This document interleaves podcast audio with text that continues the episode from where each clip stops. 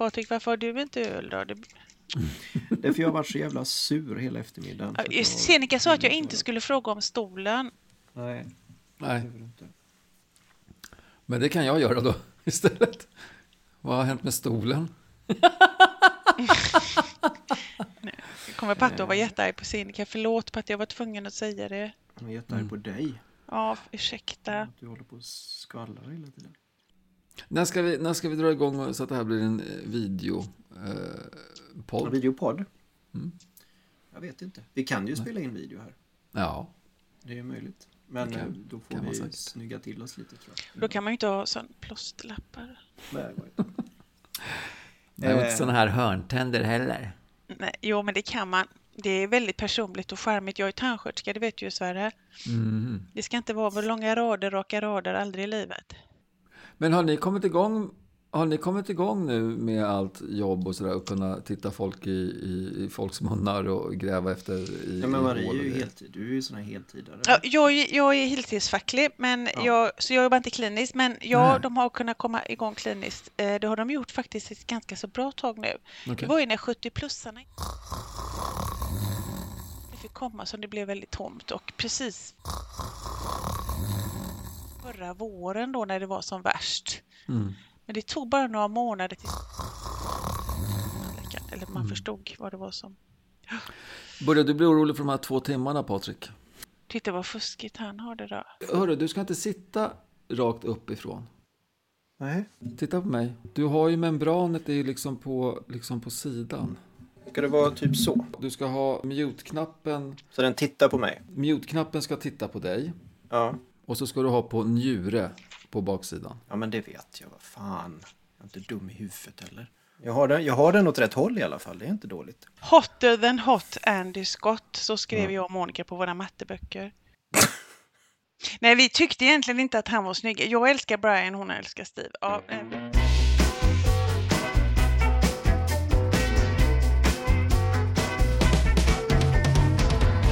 Hej hörni där ute i poddland och välkomna till, jag tror fan det är det 15 eller 17 eller 19, nej 15 är det avsnittet av podden X betydelse för Y.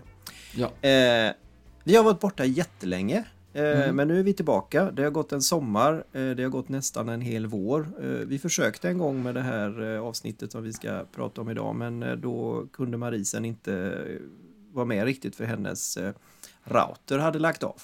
Ja. Men nu är vi här. Eh, Ja. Jag som pratar heter Patrik Löfqvist och vid min sida har jag Sverker Hemring sittandes uppe i Stockholmia. Ja, och Polis. eh, mitt, eller i mitten då så Ja. har vi... Nu ska du säga det. Marie. jaha, Marie, ja men gud. Marie Lipins har vi i mitten. Ja. Vår högt ärade gäst för andra gången. Vi är så, alltså det är lite starstruck-känsla att ha med dig i det här, Ja. eh, Marie, faktiskt. För alla Ja, men- de som du har varit med och sett och tagit på och känt lukten av. Ja, Ja. ja men det, ja.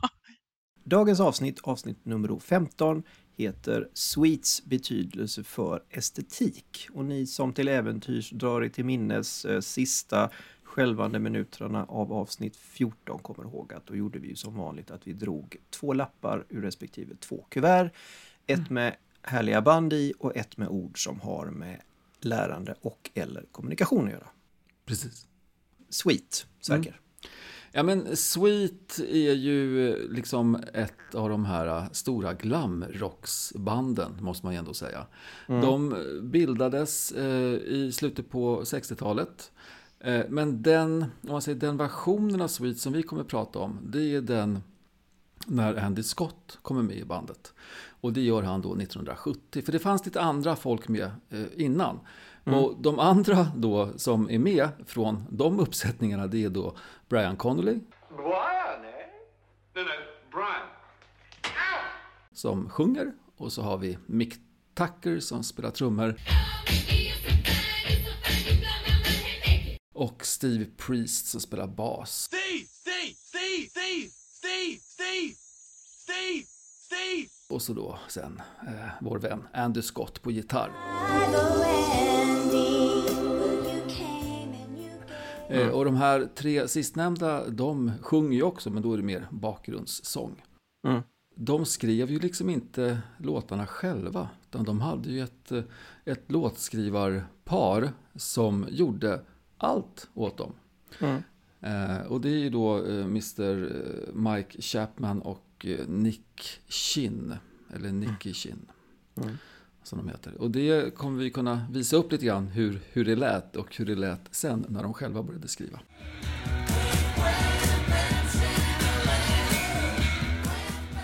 Sweets betydelse för estetik, det råder vi ju inte över att det råkade bli det eftersom vi drar ju, det är ju slumpen som avgör detta. Så jag tänker Mm. att väl- väldigt, väldigt kort så ska vi gå igenom för er som då kanske inte vet vad estetik är.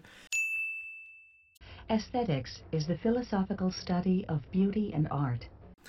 Eh, och då kan man ju tycka eh, att, jag vet inte, Sweets är inte sådär jävla sköna och vackra, eller? Nej men alltså, när jag ser på dem nu så kan man ju verkligen inte säga att de var snygga, men i tonåren så, så eh, förskönade man väl det på något sätt. Men de var ju faktiskt snyggare på den tiden.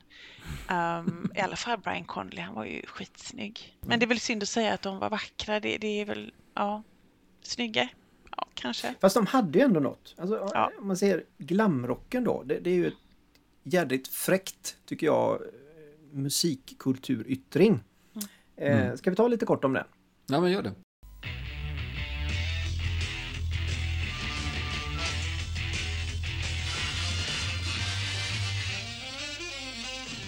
Mars 1971. BBCs tokpopulära program Top of the Pops går på tv. Och där presenteras en redan känd grupp eh, bestående av Mark Bolan och hans gäng. Och vem är då Mark Bolan? Jo, Tony Viscontis verkar. Bowies gamla parhäst. Vad- Exakt. Ja, vad var han, Han- med om? Ja, alltså han berättar om det här, för han var nämligen producent för, för eh, Mark Bolan och hans band också, Mm, okej. T-Rex. Mm. Och Tony Visconti träffade en producent eh, 1967 som hette Denny Cordell i Mm. USA. Och de blev lite kompisar. Denny kom från England och han sa, ska inte du åka över och vara min assistent? Kan jag väl, sa Tony, men han sa det på engelska för han var ju. Så han åkte över till London och producerade bland annat Manfred Mann, Georgie Fame, Procol Harum. Ganska bra band. Nej, bra band. Och sen när han hade gjort det ett år så sa Denny till honom, du, nu, alltså ska du bli producent så får du hitta ett bra band att producera. Jaha, tänkte Tony. Då får jag väl åka ut och scouta då. Så det gjorde han. Sen 1968 så drog han iväg till Londons UFO Club. För att där åse ett akustiskt psykedelic folkduoband. Oj. Tyrannosaurus Rex.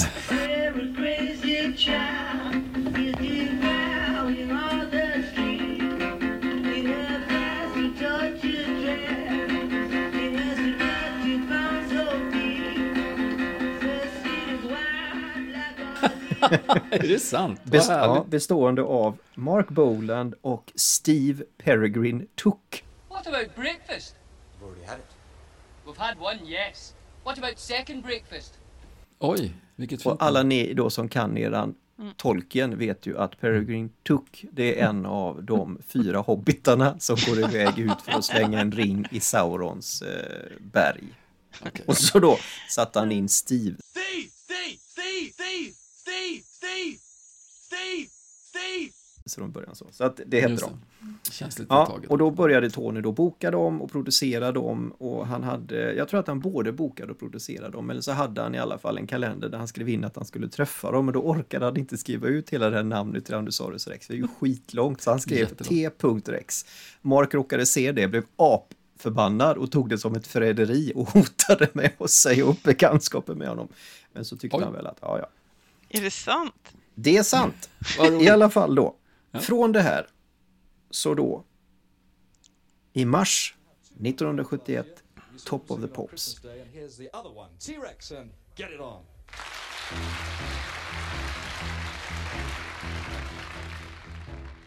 Mark Boland fronten i T-Rex, kommer ut i grå satinjacka, rosa byxor, silverglittrande tårar i varje ögonvrå. Han hade nämligen sommaren innan träffat en kompis, modemedveten tjej som hette Chelita Secunda. Hon tar med honom till Kings Road och butiken Granny Takes a Trip. Där börjar han då köpa platådojor och börjar sminka sig. För att då dels stå ut från mängden, för det ville han göra, de är ju rockmusiker för fan. Och sen också för att tjejerna i publiken och killarna i publiken gillade det.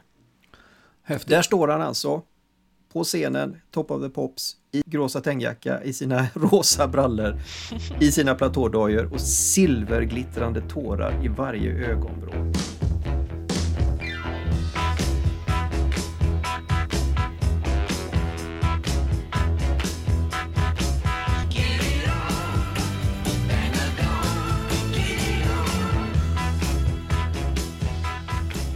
Det är fan ett av de coolaste riffen i hela världen, tycker jag. Ja, det är Sjukt riktigt. bra. Ja, det är sjukt bra är det. Och sen drog ju alla igång det här. Elton hittade det här, Rod Stewart hittade det här, Freddie Mercury naturligtvis. Massor drog igång det här. David Bowie. Ja, ja, mm, det, jo, David Ja. Bowie lite grann då. Ja, lite grann kanske så. Och det bara, mot The Inte så Hoople, Slade, Mud, Roxy, alla körde ju liksom. Ja. Och så då Sweet. Och så då Sweet. Mm. Ja. Och det här höll på typ, tror jag, i fem år. Mm. Och det kulminerade då, kan man väl säga, med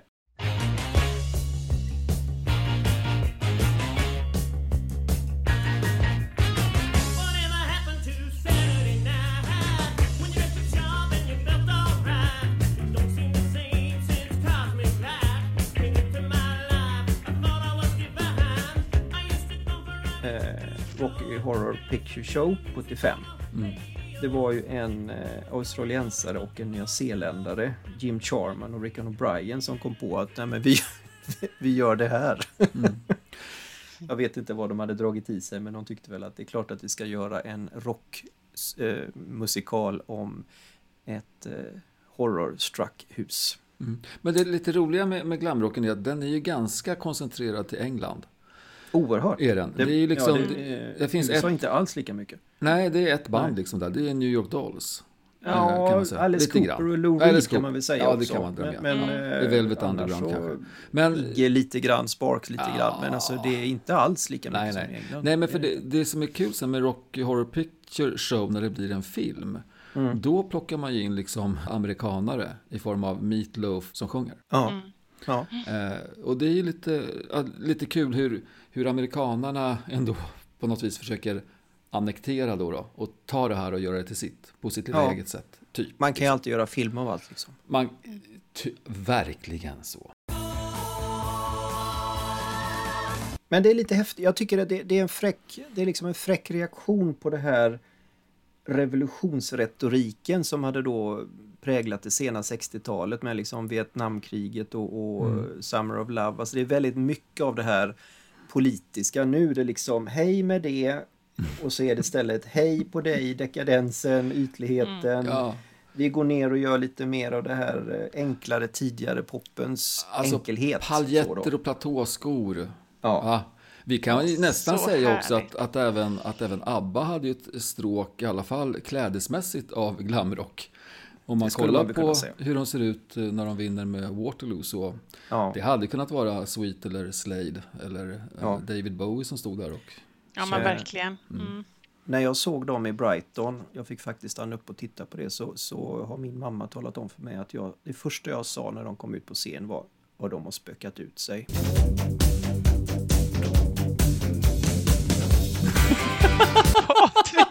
Och då är man typ sju Jätte- år, Ja, det är underbart. Alltså helt vilken fin, vilken kul grej faktiskt. gubbe hela dagen. Ja. Eh, arvet av detta då, det dog ju som sagt vid 75, det planade ut eh, och planade ner ganska snabbt. Det är ju eh, Def Leppard, Poison, Kiss, Mm. lite Bon Jovi och jag menar det, det sitter ju kvar. Alltså Jo. tittar man även på Aerosmith så är de ju väldigt extravaganta, väldigt utåt eh, levande. Eh, alltså Mick Jagger hade ju en del balla outfits också som man väl kan eh, ta från, eh, från glam- glamrocken. Mhm. Men det, det var en, en eh, lång utvikning. En om- liten eh, exposé, där. men det är väl bra. En liten exposé. Mm, den var härlig. Men eh, ja, Var kommer svit in i detta då? då? ja Svit kom ju in med att de... eh, Vi kanske ska ta lite grann, eh, lite musikhistoria med dem då. då. Alltså hur Kan vi de göra. Drog, hur de drog igång. Som sagt var, de var några andra, eh, men från 1970 så var det de här fyra som vi har nämnt och som hörs i början på Ballroom Blitz. Och de har då det här låtskrivarparet som skriver låtar åt dem för att då kunna ge ut den, deras första eh, platta som heter Funny How Sweet Coco Can Be. Japp, det känns ju rockigt så det bara... Ja, det är hårt. Ja, det är hårt. Eller? Men det är inte så konstigt kanske när man, när man börjar kolla på låtarna eller lyssna på låtarna. Jag vet du vad, jag tycker att vi tar ett litet popperi för det här är så, Ja, det gör vi. ursäkta mig, jävla pissdåligt så att vi, vi, vi bara slår på ja, vi bara tar Ja. igenom det här snabbt och enkelt. Ja, här är de. enkelt. Ja.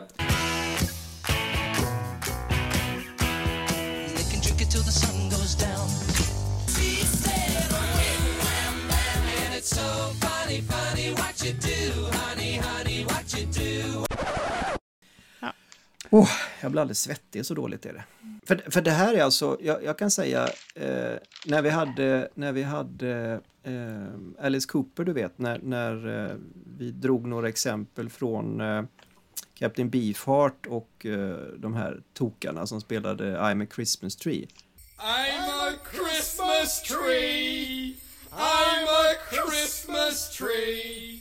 Det tycker jag är bättre än det här, för att det här, det här försöker man göra det bra. Men ändå så slog det riktigt Ja. rejält. Men det är pop. Det är jättefin pop, Det är men pop. rock är det fan inte. Nej. Nej. Verkligen inte.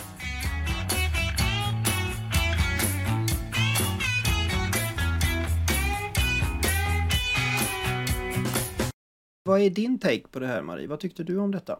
När det kom? Um, nej men jag tyckte väl, jag upptäckte ju Sweet kan man väl säga mer eller mindre genom Wig Wham Bam egentligen. Mm, Uh, och den kom väl 71 eller 72, sa vi där. Ja, den jag. kom 71 med, med den här första plattan. Då började väl vi, jag och Månkan, få upp ögonen för Sweet. Det var då vi började, och då vi började tycka att de var snygga och så på den tiden. mm. Jag kan inte säga att jag tyckte att det var bra direkt, men man, det, man tyckte ju att det var lite coolt bara för att det var dem. Men sen när, när deras andra musik kom vidare så förstod man ju hur töntigt allt det här var. Så var det ju med all musik i och för sig. Men, men Hellraiser var ju ändå ganska fräck.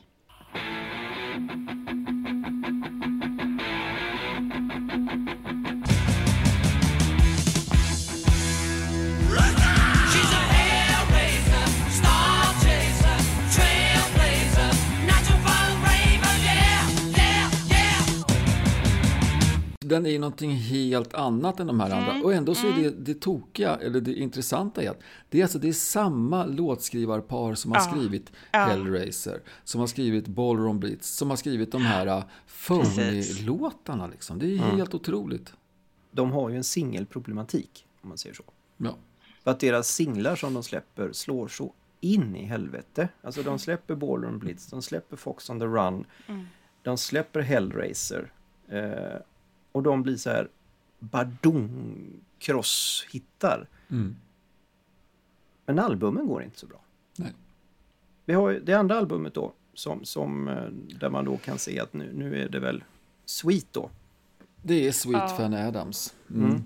Och den börjar ju faktiskt med en, ja, en riktig, riktig rockstänkare som är, som för mig sätter Sweet på kartan på ett helt annat sätt.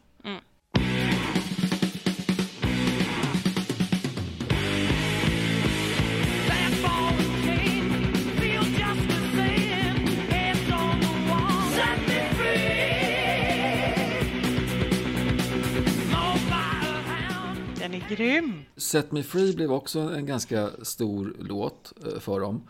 Men på den här plattan så finns det ju ett gäng låtar som är, ursäkta men inte är bra alls. De liksom vet inte riktigt vart de ska ta vägen någonstans, känner Hur jag. kom, hur kom Peppermint Twist in i alltihop? Ja, eller hur?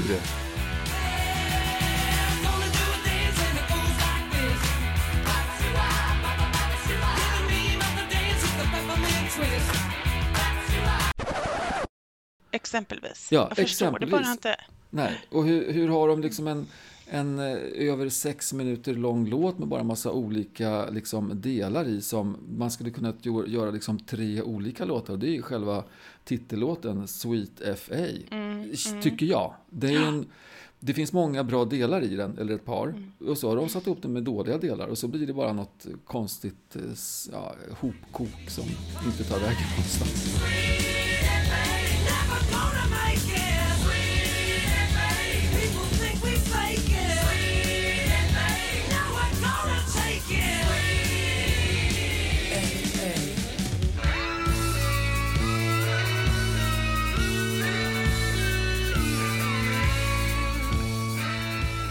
Jag vet inte hur, hur de tänkte där. Nu ska ju inte detta bli en diss-podd. Nej! Det får ju absolut. bli lite hiss alltså. Vad är det som Ja. är bra på den här jävla skivan då? Ja, första låten Set Me Free är ju, ett, eh, det är ju en monsterlåt. Alltså, det har Den, den, är verk, den är riktigt bra. Och sen tycker jag om No You Don't och Rebel Rouser gillar jag också. Rebel Rouser. Det är bra.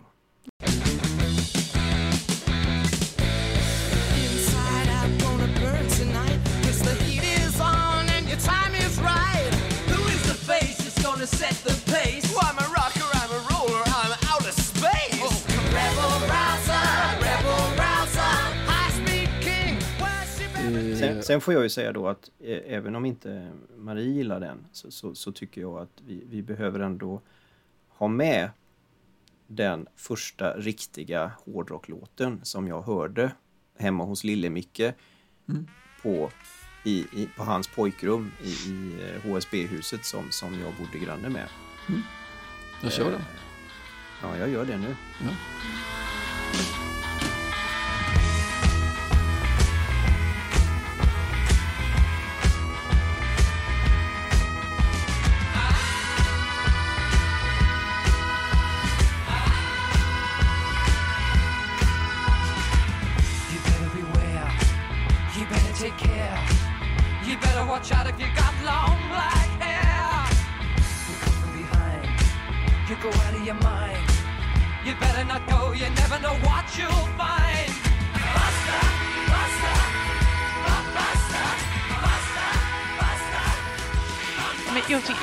Inte, jag gillar inte signal, eh, alla, eller vad heter det? Eh, Bilserie, eller Sirenerna. Sirenen heter det. Det är ju ascoolt. Det är Det är jättecoolt. så fräckt så det är inte klokt. Och han, han, han gjorde den och så direkt så gick han över till Schools Out. Fattar du? Ja. Så jag gick hem till mamma och sa jag vill köpa den skivan och sa mamma det får du inte. De svär säkert till mamma så det får du inte. Ja, för det här med, med, med sirener just då, det var lite poppis.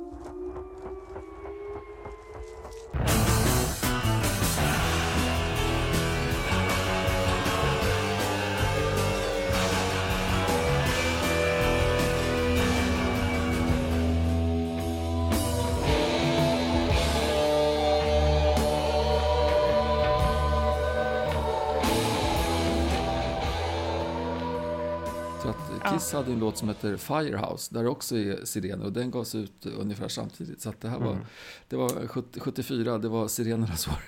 Ja, men det måste det ha varit. Allt var med sirener. Ja. Ja. Men, ja, det- men dålig och dålig Patrik, men inte jättebra kanske. Nej. Eh, 74 är i alla fall ett produktivt år för dem. Ja, så in i bängen. Ja. För då, Väldigt. ja, de kom ju ut med nästa platta liksom bara halvåret senare och det är Desolation Boulevard.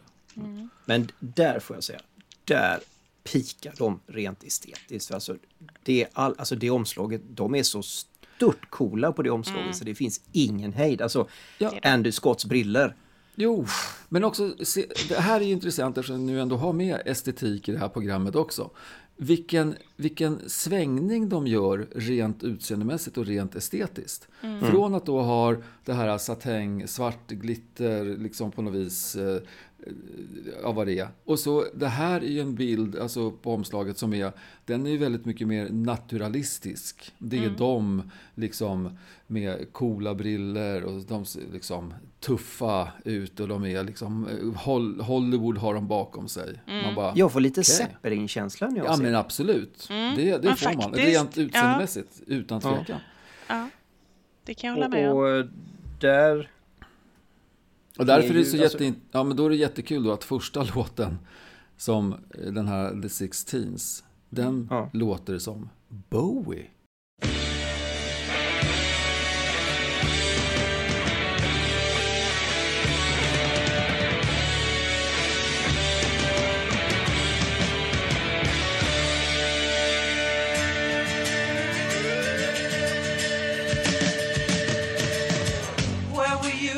68? In 68, Julie was Johnny's date. Ja, Det är nästan mer Bowie än Bowie själv. ja. Men det är det faktiskt. Jätteintressant. Håller med för att då lägga lite ytterligare till det här, alltså vart de ska ta vägen, vilka de söker sig mot, så, så lägger de in en, en cover också.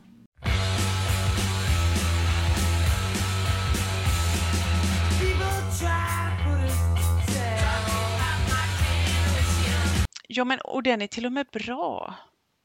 Ja, den är skitbra. Jag, jag tycker Ja, jag 16 gillar är den. jättebra också, Mm. men, men det är intressant att de kör den. För det, det är, de har ju ändå blivit ett band att räkna med och ändå väljer de att plocka in en, en, en, en Who-cover.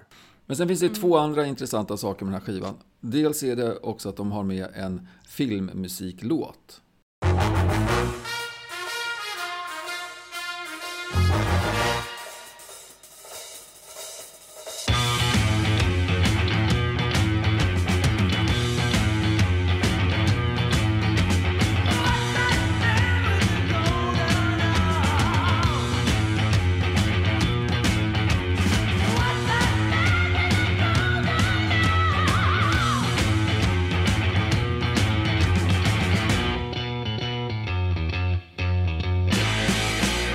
eller från en tv-serie som heter The Man with the Golden Arm. Eh, åtta minuter lång. Ja, Och det här är alltså Leonard Bernstein som har gjort den här låten till den här tv-serien. Eh, och det här, eh, när de kör live sen så har ju, har ju Mick Tucker, trummisen då, sitt eh, fantastiska trumsolo i den här låten. Eh, så att, men det, det är intressant hur man väljer att plocka in en sån låt. Att man gör en, man, det är som en cover det också kan man säga, eftersom det inte de, det är en Leonard Bernstein-låt. Men här kommer ju ändå, det här vi pratade om singlar, deras singelproblematik. Här har vi då med Fox on the Run. Och det är liksom den första Sweet-skrivna låten som de släpper som singel. Det är den 14 i raden av Sweet-singlar, men det är den första som de själva har skrivit. Alla 13 singlar tidigare har varit liksom eh, Chapman och Chin. Bara. Det är helt knasy. Det är det är helt fascinerande. Ja, det är helt fascinerande. Men det är också en bra låt, Fox on the Run. Den är jättebra. Kan vi köra lite grann kanske på den? Du skojar.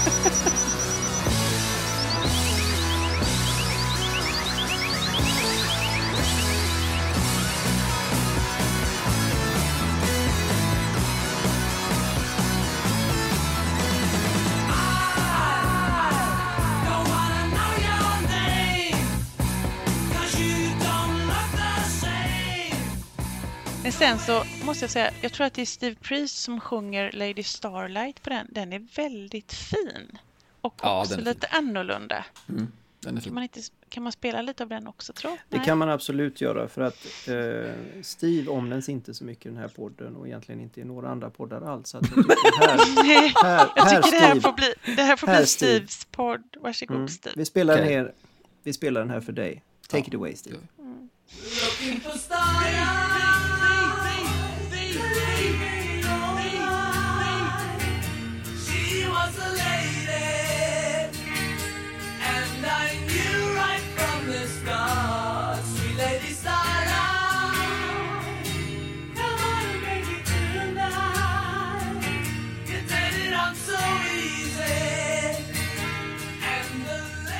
Nej, men då, då ska vi ju faktiskt... Eh, Steve Priest är en jättebra, var en jättebra basist. Återigen, vi har en, en, en förmåga och, och vä- slumpen har en förmåga att välja band åt oss med bra musiker. Det är ingen tvekan om att det här är liksom fyra ytterst kompetenta musiker. Alltså Mick Tucker är snorbra på trummor. Andy eh, Scott, grym gitarrist. Och Steve Priest på bas också. Och Brian Conley kan ju sjunga. Och de sätter ju stämmer. Alltså, hallå. eh, Queen är ju nästan som en liten lillebror till dem i vissa lägen. De här, de, de gör ju på ett ganska eget sätt. De har så höga pitchar. Alltså, Andy Scott och Steve Priest tar så höga liksom... Otroligt Ja, det är helt fascinerande. Och det här är barn före autotuning. Ska vi berätta också. Ja, Ja, det här är på riktigt. Nej men jag håller med. Och de, de är ju, alltså Sweet är ju på något sätt lite grann sådär arbetar blue collar rockers. De, de är ju inte alltså, i närheten av eh, Roxy Music eller, eller Bowie som, som på något sätt de, är- de är ju väldigt akademiska men det känns Mm. inte. Jag har inget. Jag, jag vet inte deras, eh, deras bakgrund eller deras uppväxt. Jag har faktiskt inte tagit reda på det. Men det känns mer som det här är det är mer grovarbetare och ändå så lyckas de göra så förbannat kvalitativt bra musik. Sen är låtarna ibland pissdåliga men, men kvaliteten på det de gör är bra. Nej, Leveransen men det, är bra. ja, ja, det är det. Och produktionen är bra. Men Alltså, Sweet, de är ju fantastiska i, i studion. Men eh, hur är de live då, Marie? Men de är fantastiska live, eh, måste jag säga också. Eh, första konserten i Göteborg 1974. Eh, jag kommer inte ihåg jättemycket av just den. Då var jag ju 13 år. Eh, och då var ju det ganska så strax efter att vi hade upptäckt dem, jag och Monka. Men eh, fragment kommer jag ihåg och det var en, en jätterolig och härlig konsert.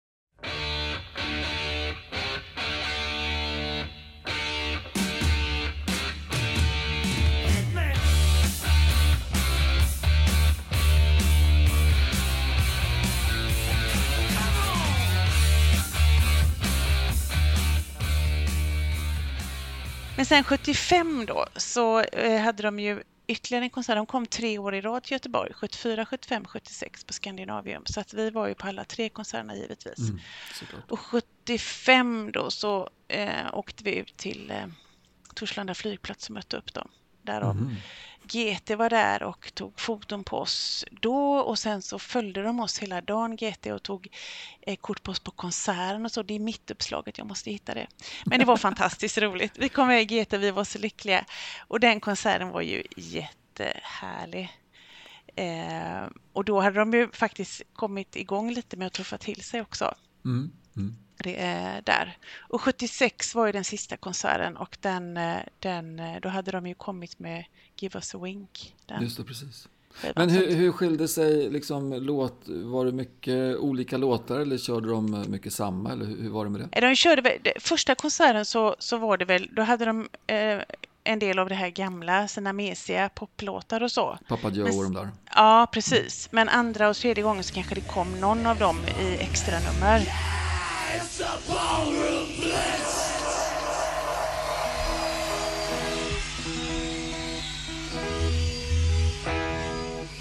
Nej, men den sista konserten var ju, var ju ehm, den som jag mest kommer ihåg och den, den var ju jättebra, verkligen. Eh, de var fantastiska, de höll på liksom länge, det var extra nummer efter extra nummer. De, hade ju, de bytte ju kläder också hela tiden och hade både det här glammiga kvar och de här Jaha. lite kragarna med slängkappan, ni Nej. vet. Och även, ja, jo, det hade de. Steve Priest hade ju det. Okej. Eh, tror jag alla tre koncernerna. Så att de, det var inte så att de stod rakt upp och ner direkt utan de var väldigt eh, eh, ombytliga. Men då kommer ju kuggfrågan här. Hade de på sig indiankläder under Wig Wham Bam? Nej, men det hade de inte. Nej, tack. Skönt, då kan vi Jag har varit lite Sticka orolig för det här den faktiskt. Ja, Ja, tack. jag förstår det. Nej, de bytte inte om till det. Fruktansvärt. Ja, den var med första konserten, men inte de två andra kan jag Men- säga. Där får jag väl också säga sådär. Rent estetiskt. Alltså, man har killar som ändå med den tidens mått mätt har en viss approach. De har en viss utstrålning. De har åtminstone någon som kan hänga på de balla grejer. Varför ska de sätta på sig indianutstyrsel? Det kan man verkligen undra. Det kan man Mm. verkligen undra. Alltså det, Alltså- det är helt knasigt tycker jag. Mm.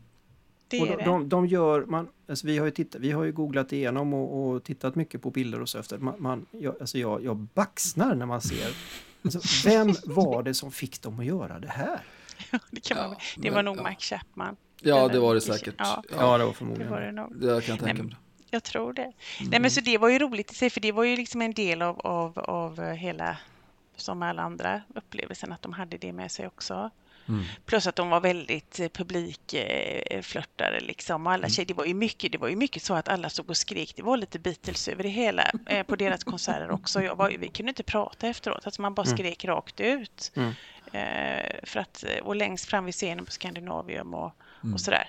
Mm. Ehm, så första gången de kom, 70, eh, eller andra gången var det 75, då träffade vi dem på Torslanda och fick eh, autografer och så. Mm.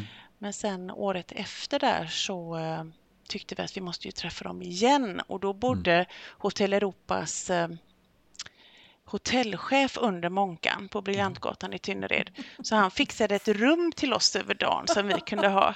Så vi, när de kom så, vi åker, vi, och nu kommer de, vi går och ställer oss i hissen.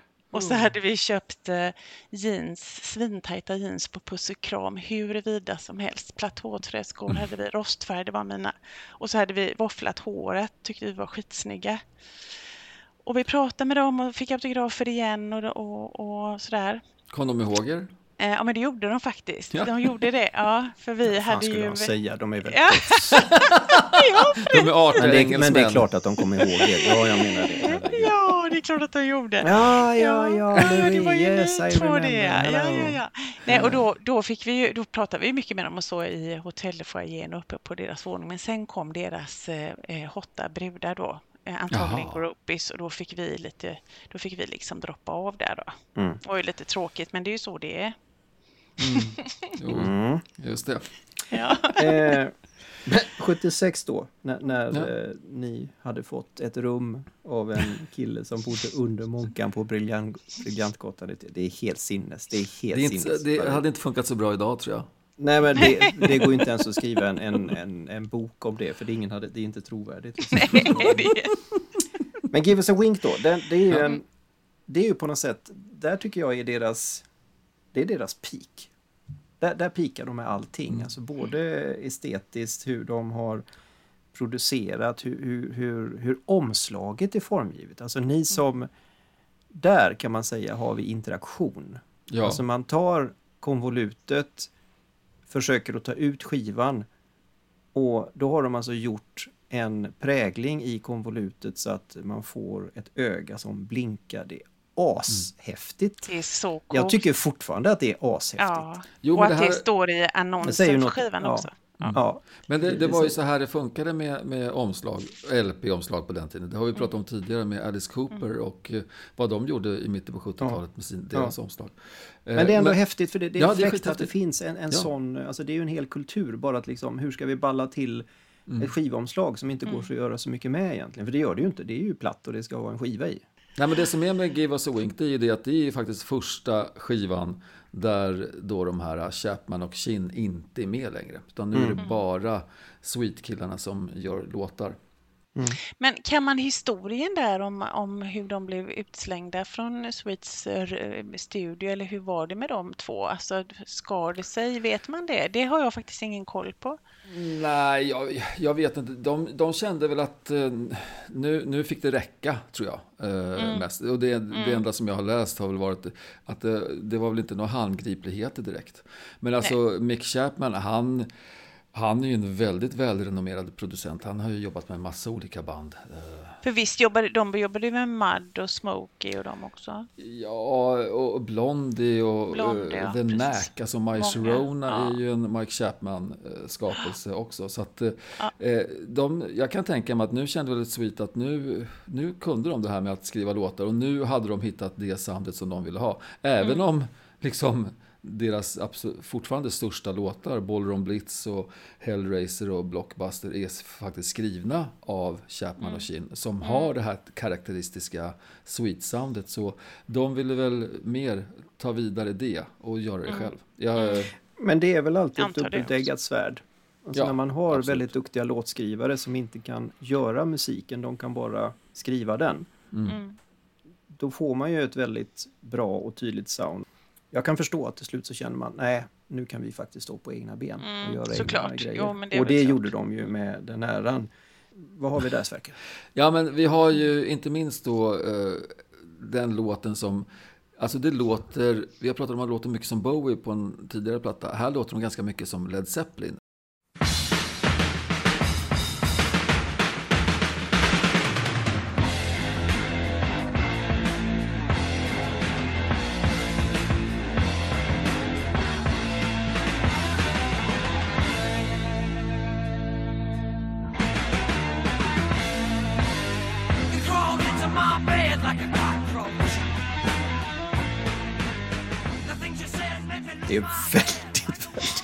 Väldigt mycket Zeppelin. Eh, Det är någon som gillar Ja. Bonzo här. Ja, utan tvekan. Någon som gillar Robert Plant också tror jag. sångmässigt. Ja. Ja, det är Nej, det. men sen har de ju, det finns ju 200 låtar också och eh, The Lies in Your Eyes är, är ju en fin strof.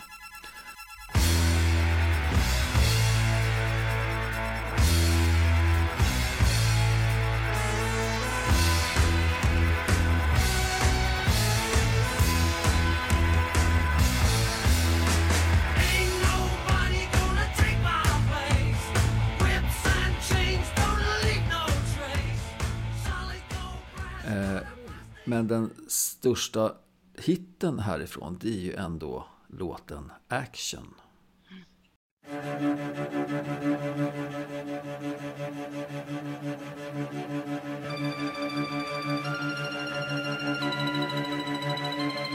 So you think you'll take another piece of me to satisfy your intellectual need? And that's why everybody wants a piece of the action.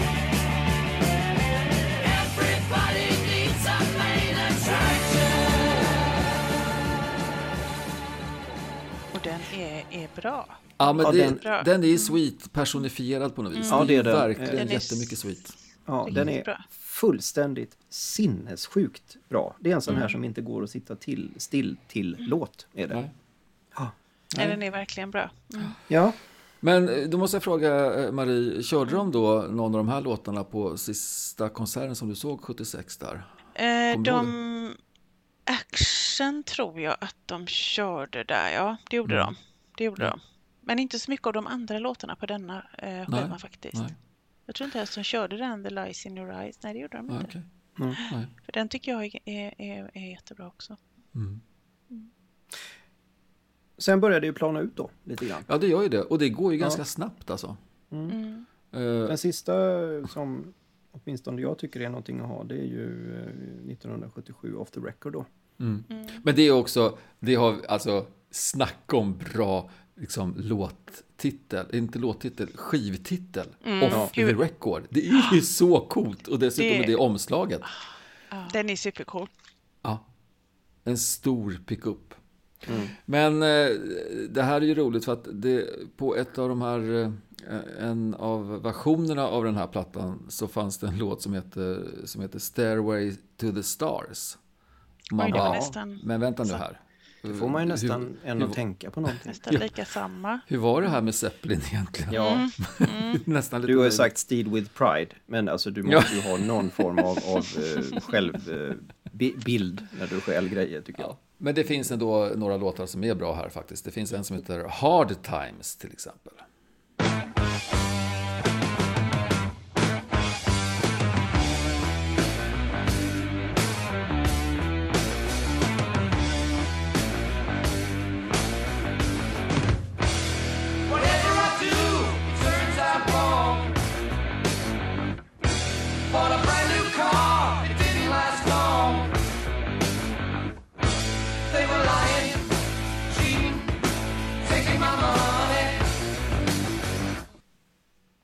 Jag gillar Fever of Love också. Du gör det? Ja, jag gör det. ja, jag kan inte det. Ja. hjälpa det. Nej, men då, det är det som är så skönt Ja. med den här världen och det här livet, att man får tycka lite olika. Jo, nej men jag vet. Och ibland kan man bli förvånad över att man tycker att, att det är bra. Men, men, Mm. ja, men hur kunde jag... Men det bara fastnar någon låt. Så, så, ja. Jag tycker det är väldigt bra att du är med oss Marie för att du, vi får helt andra instick i, i låtvalet när du är med än vad vi brukar ha. Det är mm. jättekul. Mm. Alltså, både Steve Priests eh, förra gången och så nu den här.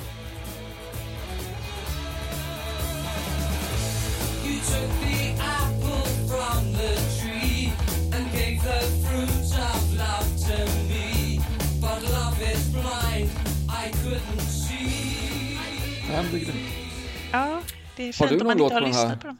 Nej, har du någon låt på den här plattan då, Patrik? Ja, jag gillar den här.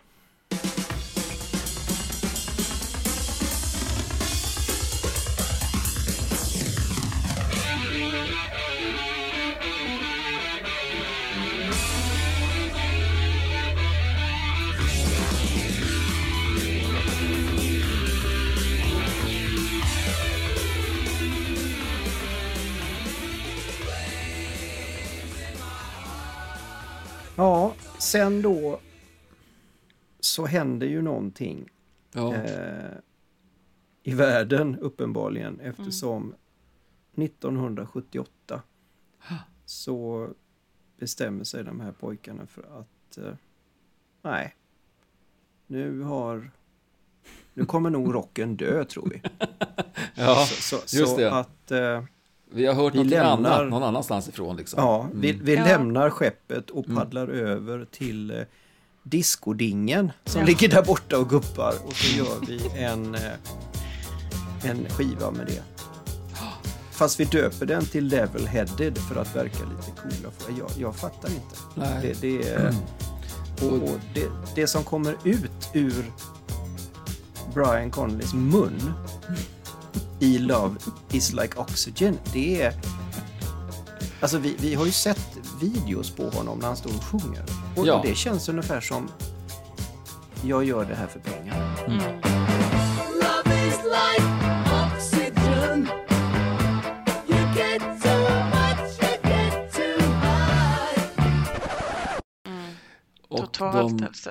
ja, och de pengarna använder man till sånt som man kan klunka i sig och Mm. eh, tro att man mår bättre av. Men det gör man Mm. inte.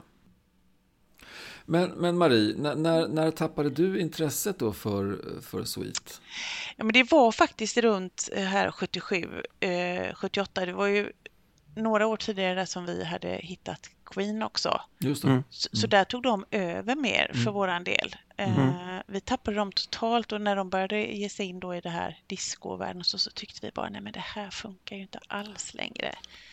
Ehm, så att, eh, och så fanns det ju, så kom det ju så mycket annat och så mycket bra så att man vi tappade Mm. bort dem totalt. Lyssnade inte alls på dem längre. Det vände verkligen eh, tvärt liksom. Mm.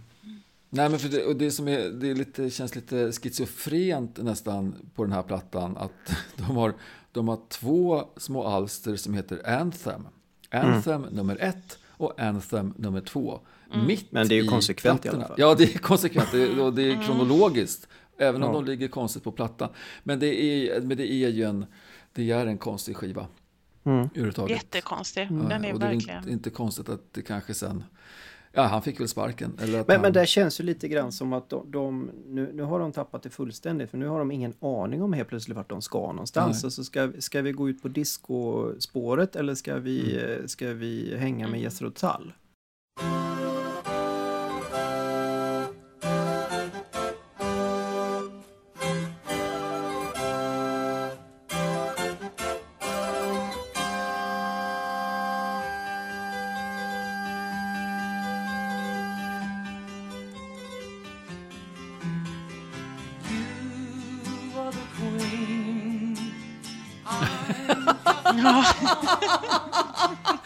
Underbart att du fick in Jethro Tull ja. i den här Ja. podden. Men Det faktiskt- Jag har sällan nämnt Jethro. Ja, de hade jävligt- i den här lika... Ja. Det skulle kunna vara som någon slags sån eh, eh, psykos eller något man har gått in i och blandat in alla de här. Ja, Ja, precis. Ja, lite, ja. lite blandmissbruk så. Ja. Lite vad som kommer ut. Eller någon sån hallucination av något slag. Ja. Nej, men jag vet inte, jag håller med dig. Det är verkligen märkligt. Ja. Men det, det, jag tycker det är synd. Det, det slutar i ett mollackord och, och jag tycker det är tråkigt. Eh, för det fanns så mycket bra här och det, det, det Alltså de jobbar på, de finns ju fortfarande. Eh, Ja, Andy Scott turnerar runt fortfarande med det här bandet. Ja, för Andy Scott är han med, med peruken va? ja Andy Scott är Ja. han. Ja, det, det är... Hotter than hot. Men det här med, med Andy Scotts peruk, för det är lite kul just eftersom vi pratar om estetik i det här programmet också. Ja. Så Hur- hur om man nu, då, vi kan inte säga att eh, ja, botten är nådd. Det, det finns inte någon kulmen med hans peruk eh, och hur han ser ut nu. Han Nej men jag tycker han, han Ja, men han är ju ändå framtidssäkrad. För jag menar, Absolut. där har han ju ändå någonstans knutit ihop påsen. Det är väl en glamrock-peruk om något. Och är det någon som har anammat glamrocken så är det ju en som har en exakt likadan peruk och det är ju Lady Gaga.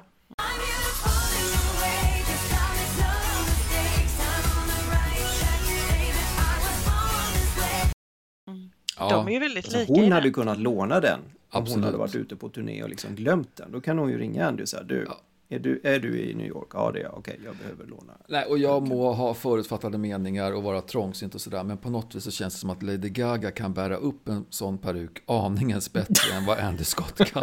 Ja, Hade Scott menar du? jag kan ju faktiskt hålla Ja, med jag kan hålla det. med dig. Det behöver nödvändigtvis inte vara Ja. fördomsfullt utan det, det kan vara att det faktiskt är en sanning också. Man Men riktigt. vad har han för frisyr under då? Ingen Jag tror inte han har någon. Nej, det är, det är. Nej, Nej, Nej. det är det som är problemet, tänker ja, det är det som är problemet. Ja. Jag tycker han är rolig. Jag tycker Ja, men det är- att han vågar. Ja, absolut. Och Ja, ja. Bjuder på sig själv får man väl ändå säga. Ja, och sen, alltså, återigen, han är en fenomenal gitarrist. Han har gjort ett gäng jäkligt klassiska låtar och inte minst klassiska liksom, gitarriff och, och sådär. Så att han, han kan eh, gå med rak rygg och lång peruk in i liksom, alla omklädningsrum och ut på alla scener också. Utan tvekan faktiskt. Tycker jag. Eh, jag måste ju, eftersom jag, ni vet ju jag och trummisar. Och vi har ju en liten grej med, med Mick Tucker som jag tycker är så, så fantastisk. Och det är ju hans, som vi har kommit att kalla det för, eh, virvelpirvel. Ja, Ja, hans virvelpirvel. Hans det- virvelpirvel. Det Ja. roliga är det att vi, vi har ju pratat måste om det här. förklara. Ja, virvelpirvel det är alltså att han lirar ganska många låtar bara på virveln. Eller att virveln är liksom det drivande. Eh, Vi har ju då såklart låten som vi har pratat om som är deras största hit ever. Det är ju den här.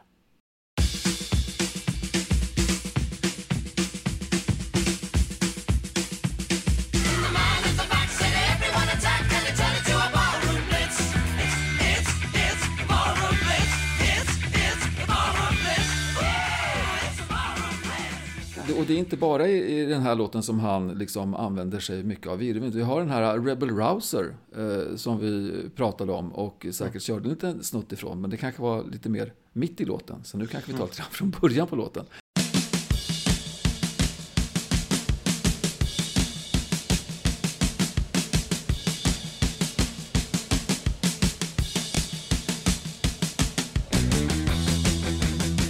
Samma platta som Rebel Rouser så har vi en annan låt som heter eh, Into the Night. Där han också kör väldigt mycket virvel. Och det här återkommer.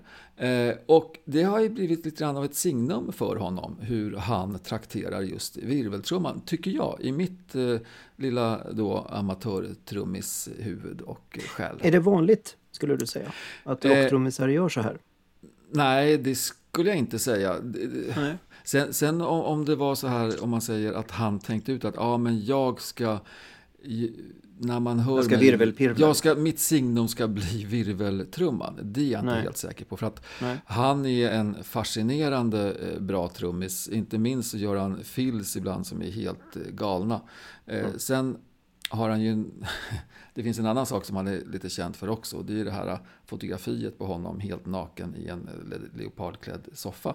Men det har ju lite grann med estetik att göra ändå. Eller kanske frånvaron av estetik. Eller bara att man ska vara lite tokig. Jag vet inte. Men det är väl de två Pengar sakerna. kan ju vara Ja, det kan också vara. De två sakerna som han kanske är mest Ja. känd för. Mick Tucker. Kan det vara. Så, så fick vi in det också. Det var väl bra. Ja. Eh, hörni, Ja. jag tänkte kanske busa lite grann mer. Jaså? Ja, eh, för att jag har ju blivit busad med, eh, och du också eh, Marie, av vår kompis Patrik tidigare. Så nu tänkte jag busa mer. Du menar att det har blivit dags för... let's get ready to rumble! The Quiz! Tävling? Wow. En liten tävling. Ja, Wow! Gud, vad roligt. Det. Ja. Ja, Eh, det, och, det det, är... och det här eh, temat för den här, eh, för den här quizen är faktiskt eh, live. Alltså levande musik, att det har hänt saker på olika scener. eh, runt om i, i Sverige företrädesvis. Eh, och faktiskt eh, några av Men frågorna... vadå, nu har det inget med Sweet att göra utan det är Ja, en, en, en, en, en av frågorna har faktiskt med Okej. Sweet att göra. Ja, men idel öra. Ja, vad roligt. Så jag, jag tänker att jag ska inte ta den frågan först, utan vi tar en annan fråga först. ja. Så då är det så här.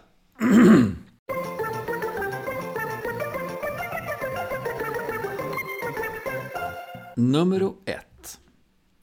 En kväll i mars 1982 så ska New York Dolls-stjärnan Johnny Thunders uppträda live i tv-programmet Måndagsbörsen. Men han är så påverkad att det inte går att liksom genomföra det här gigget. Istället så får han och hans band spela efter att sändningen av- har avslutats och det filmklipp som sparats till eftervärlden visar en högst ofokuserad stjärna som är väldigt ful i mun och med väldigt dålig balans. Men nu är frågan, var spelades Måndagsbörsen in vid det här tillfället? Och ni ska såklart få tre alternativ. Är det Hamburger Börs? Är det Grand Hotels vinterträdgård? Eller är det på Tyrol på Gröna Lund? Vi börjar med Marie. Jag tror hamburgerbörs. Okej, och vad tror Patrik? ja, i och med att du säger var spelades in just det här tillfället och det är Måndagsbörsen som spelades in på Hamburgerbörs så, så säger jag att då är det väl inte det. Och jag, om jag ska vara riktigt ärlig tror jag inte att de kommer in på Tyrol. Jag tror inte de får plats där och har en inspelning. Så jag säger Vinterträdgården. Ja, det är helt rätt. Klingling!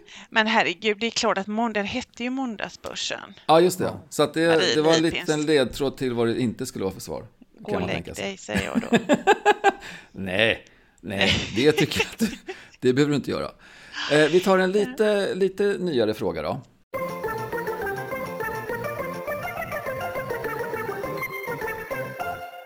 Eh, och det här är eh, i mars 1999, så det är jättenytt, så ställer Robbie Williams in en konsert fem minuter efter att han skulle ha stått på scen. Akut magsjuk, förklarar arrangören.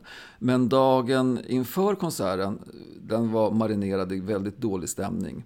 Och den dåvarande popstjärnan då, då ställde in bokade intervjuer på grund av att han, han blev lite trött av tidsskillnaden.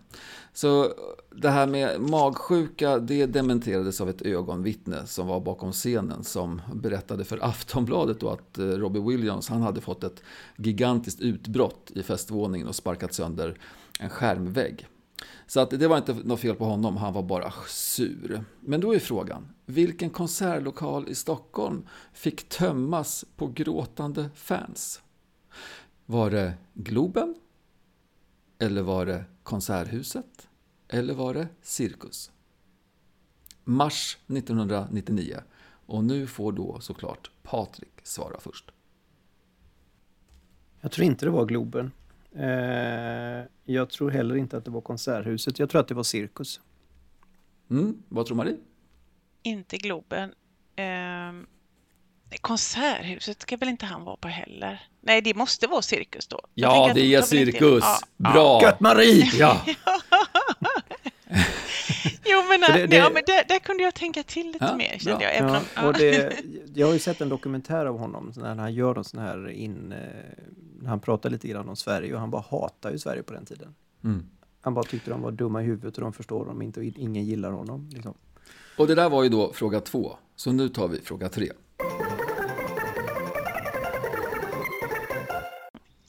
Och då låter det så här. Efter en konsert på Gröna Lund i maj 1976 utbryter kalabalik bakom scenen. Medlemmarna i det uppträdande rockbandet sprutar ketchup på fönstren, kissar i en champagnekylare och bajsar på en bordsduk som sedan överräcks som present till personalen. Grönans artistansvarige får dessutom ta emot ett knytnävsslag av bandets gitarrist. Vilket var bandet? Är ni beredda?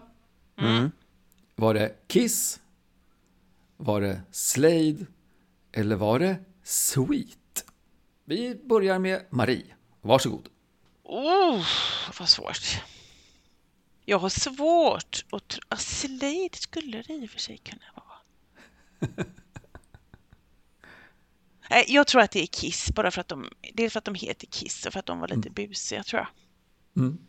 Vad tror Patrik? Alltså jag tror ju att om man, om man bajsar på en duk så är, heter man ju inte Kiss, tänker jag. Så de, de är det inte. Eh, och i och med att, det är, att podden handlar om Swedes så tror jag inte de heller. Så att jag tror faktiskt att det är Slade. Ni har fel båda två. Det är ju Sweet faktiskt. Är det? Ja, det är ju det. Det tycker jag är Ja. futtigt. Det var en sån hamburgerbörs, hamburgerbörsfråga där också. Ja. Ja. Nej men du menar du detta? ja, jag menar detta faktiskt. Kunde aldrig tänka mig det. Nu, Nej. nu f- tycker vi Nej, men nu släpper vi det. Det var då. Ja, Ja. det var då. Och jag är ledsen att många av de här frågorna handlar faktiskt om Gröna Lund, men det är där som det har hänt mycket saker. Så att eh, vi tar fråga nummer fyra. Och då är det så här. I maj 1974 så går det brittiska bandet Uriah Heep upp på Gröna Lunds scen för att leverera sin hårda bluesbaserade rock. Men vad är det som utmärker den här konserten då? Är det att eh, sångaren David Byron svajar betänkligt på scen innan han brakar över scenkanten och faller handlöst två meter rakt ner i orkesterdiket?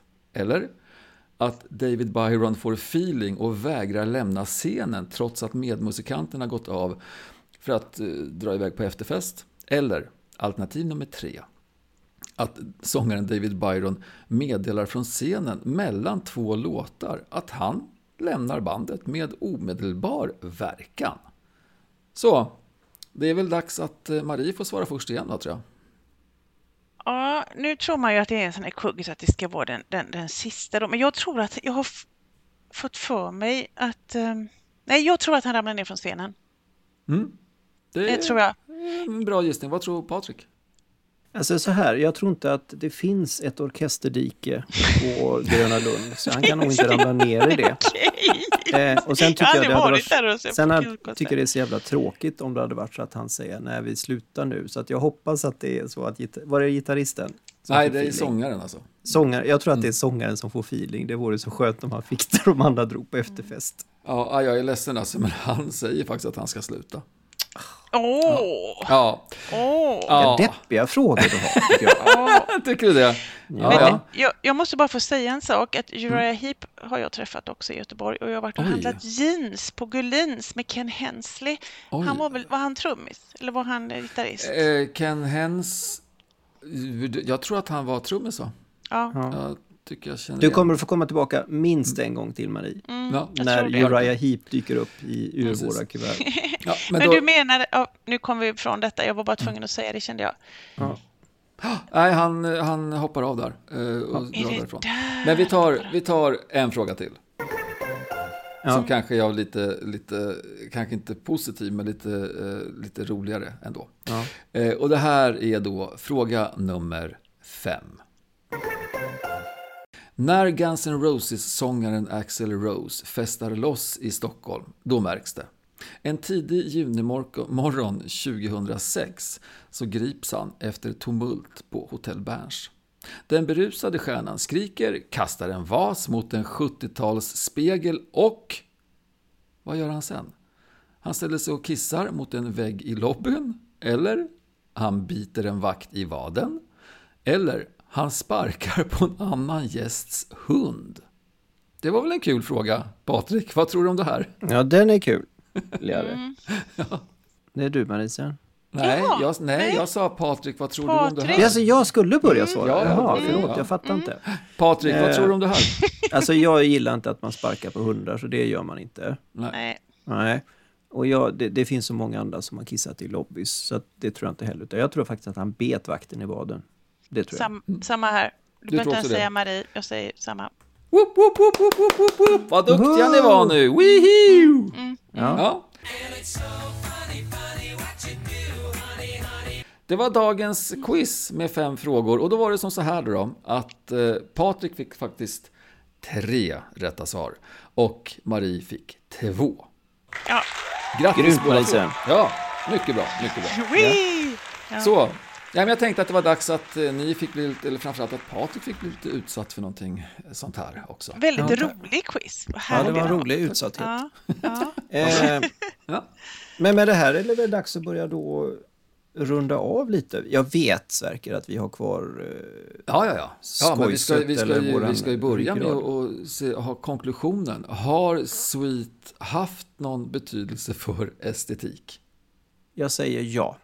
Definitivt. Eh, de har hjälpt till att varit drivande inom glamrocksestetiken i allra högsta grad. Eh, de har satt sin prägel och en prägel på musiken under fyra, fem, sex väldigt tydligt estetiska år, tycker jag. Så att eh, ja, absolut. Och Marie? Håller med i det föregående talare Patrik säger. Jag tycker verkligen det. Och sen inte att förglömma Eh, visserligen var frisyrerna varit många genom, och de ser likadana ut kanske, men Brian Conley hade en väldigt speciell frisyr. Om man Ja, det hade han faktiskt. Ja. Och den var det ju väldigt många som, eh, killar som klippte sig i, i alla fall i min skola. Det Så kan man väl eh, nästan säga att Jennifer Aniston dök upp med efter några säsonger in i Friends också. Oh my god! Ja, nästan lite längre bara. Ja. Ja, lite längre. Mm. Men faktiskt, om man nu ska ta till det också, kanske lite kvinnligt in i detta just med frisyrer. Jag vet inte, men Ja, Jag, jag kan hålla med er i alla fall till den så pass att de hade en helt klart betydelse för glamrockens estetik. Eh, sen, eh, jag, jag stannar nog där tror jag. Eh, att, för att, att de skulle ha någon betydelse för estetik i stort, ja, det kanske jag känner att det inte riktigt är helt solklart. Men för glamrocken, absolut.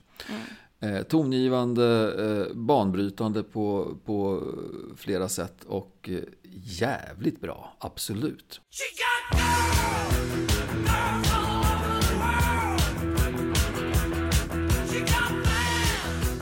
Så, nu ska vi ta reda på vad nästa program ska handla om. Då ska jag bara ta fram mitt lilla, mina kuvert. Ja, och jag med. Där var de. Va, va, vänta, vad, fick jag, vad skulle jag dra? Eh, åh, gud, jag minns inte Sverker, men eh, eh, ta band du då. Ska jag, ja vänta, då ska jag bara, ska jag ta, ta, rätt, ta rätt kväll? Ja, Det gula. japp. Eh, då ska vi se. Ja du, Eh, mina damer och herrar, barn. Nästa avsnitt för podden X betydelse för YS. Det sextonde. Kommer att heta Beatles betydelse för? Copywriting. Det du! Ja, oh, nu fick man ju nästan, nästan migrän på en gång. Ja, du måste ju fått det direkt. Åh, Ja. Det här var av sällan skådat slag skulle jag vilja säga. Har, har inte du sagt att det finns någon som har sagt att om inte John Lennon blev musiker så skulle han blivit copywriter? Nej, Paul McCartney. Paul McCartney var det, ja. Alltså Ja, det, var, det, var ju, det var våran lärare som vi hade på Bergs, eh, Micke Så Rosén. var det, ja. Han Just sa det på det. en av våra kvällskurser det. som vi hade där 1989 att eh, de hade de inte mus, alltså de hade kunnat bli copywriter. Och han pratade just om Paul McCartney. Men eh, det gäller ju John Lennon också. Det är Ja, lite kusligt Ja. att vi hittar sådana här ämnes, att det kopplar sig ihop så här. Jag tycker det är läskigt. Vi kan säga så här, eh, gott folk. Det här kommer tarva en del jobb. Det gör alla våra avsnitt i och för sig, men det här kommer, det här har jag att gräva i Patrik. Frågan är Ja, om det räcker det här, med får ett man avsnitt. ta, det här kan man inte ta med en klackspark. Liksom. Nej, det här- ju- det här är ju viktigt. Beatles liksom. Jesus. Men eh, alltså, Marie, mm. stort, fett, grymt mycket tack för att du pallar och hänga med oss och berätta så sköna historier ja, du är så om folk som du asgrym har att ha träffat. med så det är inte klokt. Nej, det är, Har du träffat Beatles? Nej det har jag faktiskt inte gjort. Nej, Nej, Jag Nej ser- då får du inte vara med. Nej, jag- det får jag inte. Jag får komma, jag får, jag får komma Du in får komma med, nästa gång. när vi handlar Om vi drar, om vi Ja. drar Urea eller något sånt där. Uriah, Alltså, vi eller- Ja, kollade ju igenom vårt Excel-ark där, alla Ja. band. Du, du har ju träffat Mm. hela världen känns det som nästan. Ja, men Hela nästan. 70-talet har du träffat. Många. Ja, men hörni, tack Ja. snälla återigen för att jag får vara med. Jag älskar Ja. att hänga med er och jag tycker det är jätteroligt att få Och vad berätta. kul att vi inte ens pratat någonting om sommaren och vad vi gjort på våra semestrar eller något sånt här, utan vi har bara Nej, kört det- sånt här. nu är väl det. slut. Ja. Nu är det höst. Nu är det höst. Vi säger eh, att vi är väldigt glada för alla er, ni, du där ute som sitter och lyssnar på det här. Ja. Och eh, vi ser fram emot alla små kommentarer, alla små gillanden eller alla små synpunkter eh, och så som, ni, som du vill dela mer av. Vi finns På ju där vi Facebook. finns. Ja, På Instagram Ja. och där poddar finnes. Just det. Och eh, vi hörs nästa gång. Tack så in i bängen för att ni lyssnar och tack Patrik. Och återigen, Och tack, Sverker. Marie. Och tack. Mm, tack. Tack. Ha det Och så tack. gott. Ja. Hej då!